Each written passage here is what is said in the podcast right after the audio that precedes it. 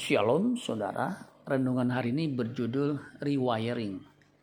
Matius 15 ayat 18 sampai 20. Tetapi apa yang keluar dari mulut berasal dari hati.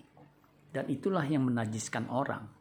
Karena dari hati timbul segala pikiran jahat, pembunuhan, perjinahan, percabulan, pencurian, sumpah palsu dan hujat.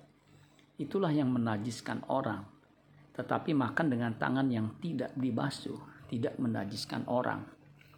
Tuhan Yesus menegaskan bahwa yang keluar dari mulut itulah yang menajiskan orang, karena yang keluar dari mulut berasal dari hati. Jika hati kita ada pikiran jahat, maka yang keluar juga jahat.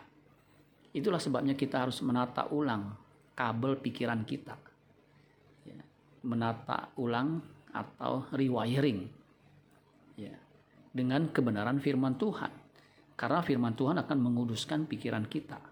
Kalau Rasul Paulus menyatakan orang percaya harus memikirkan semua yang benar, semua yang mulia, semua yang adil, semua yang suci, semua yang manis, semua yang sedap didengar, semua yang disebut kebajikan dan patut dipuji.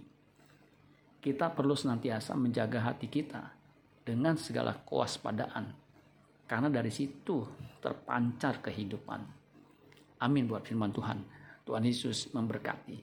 Sola Gracia.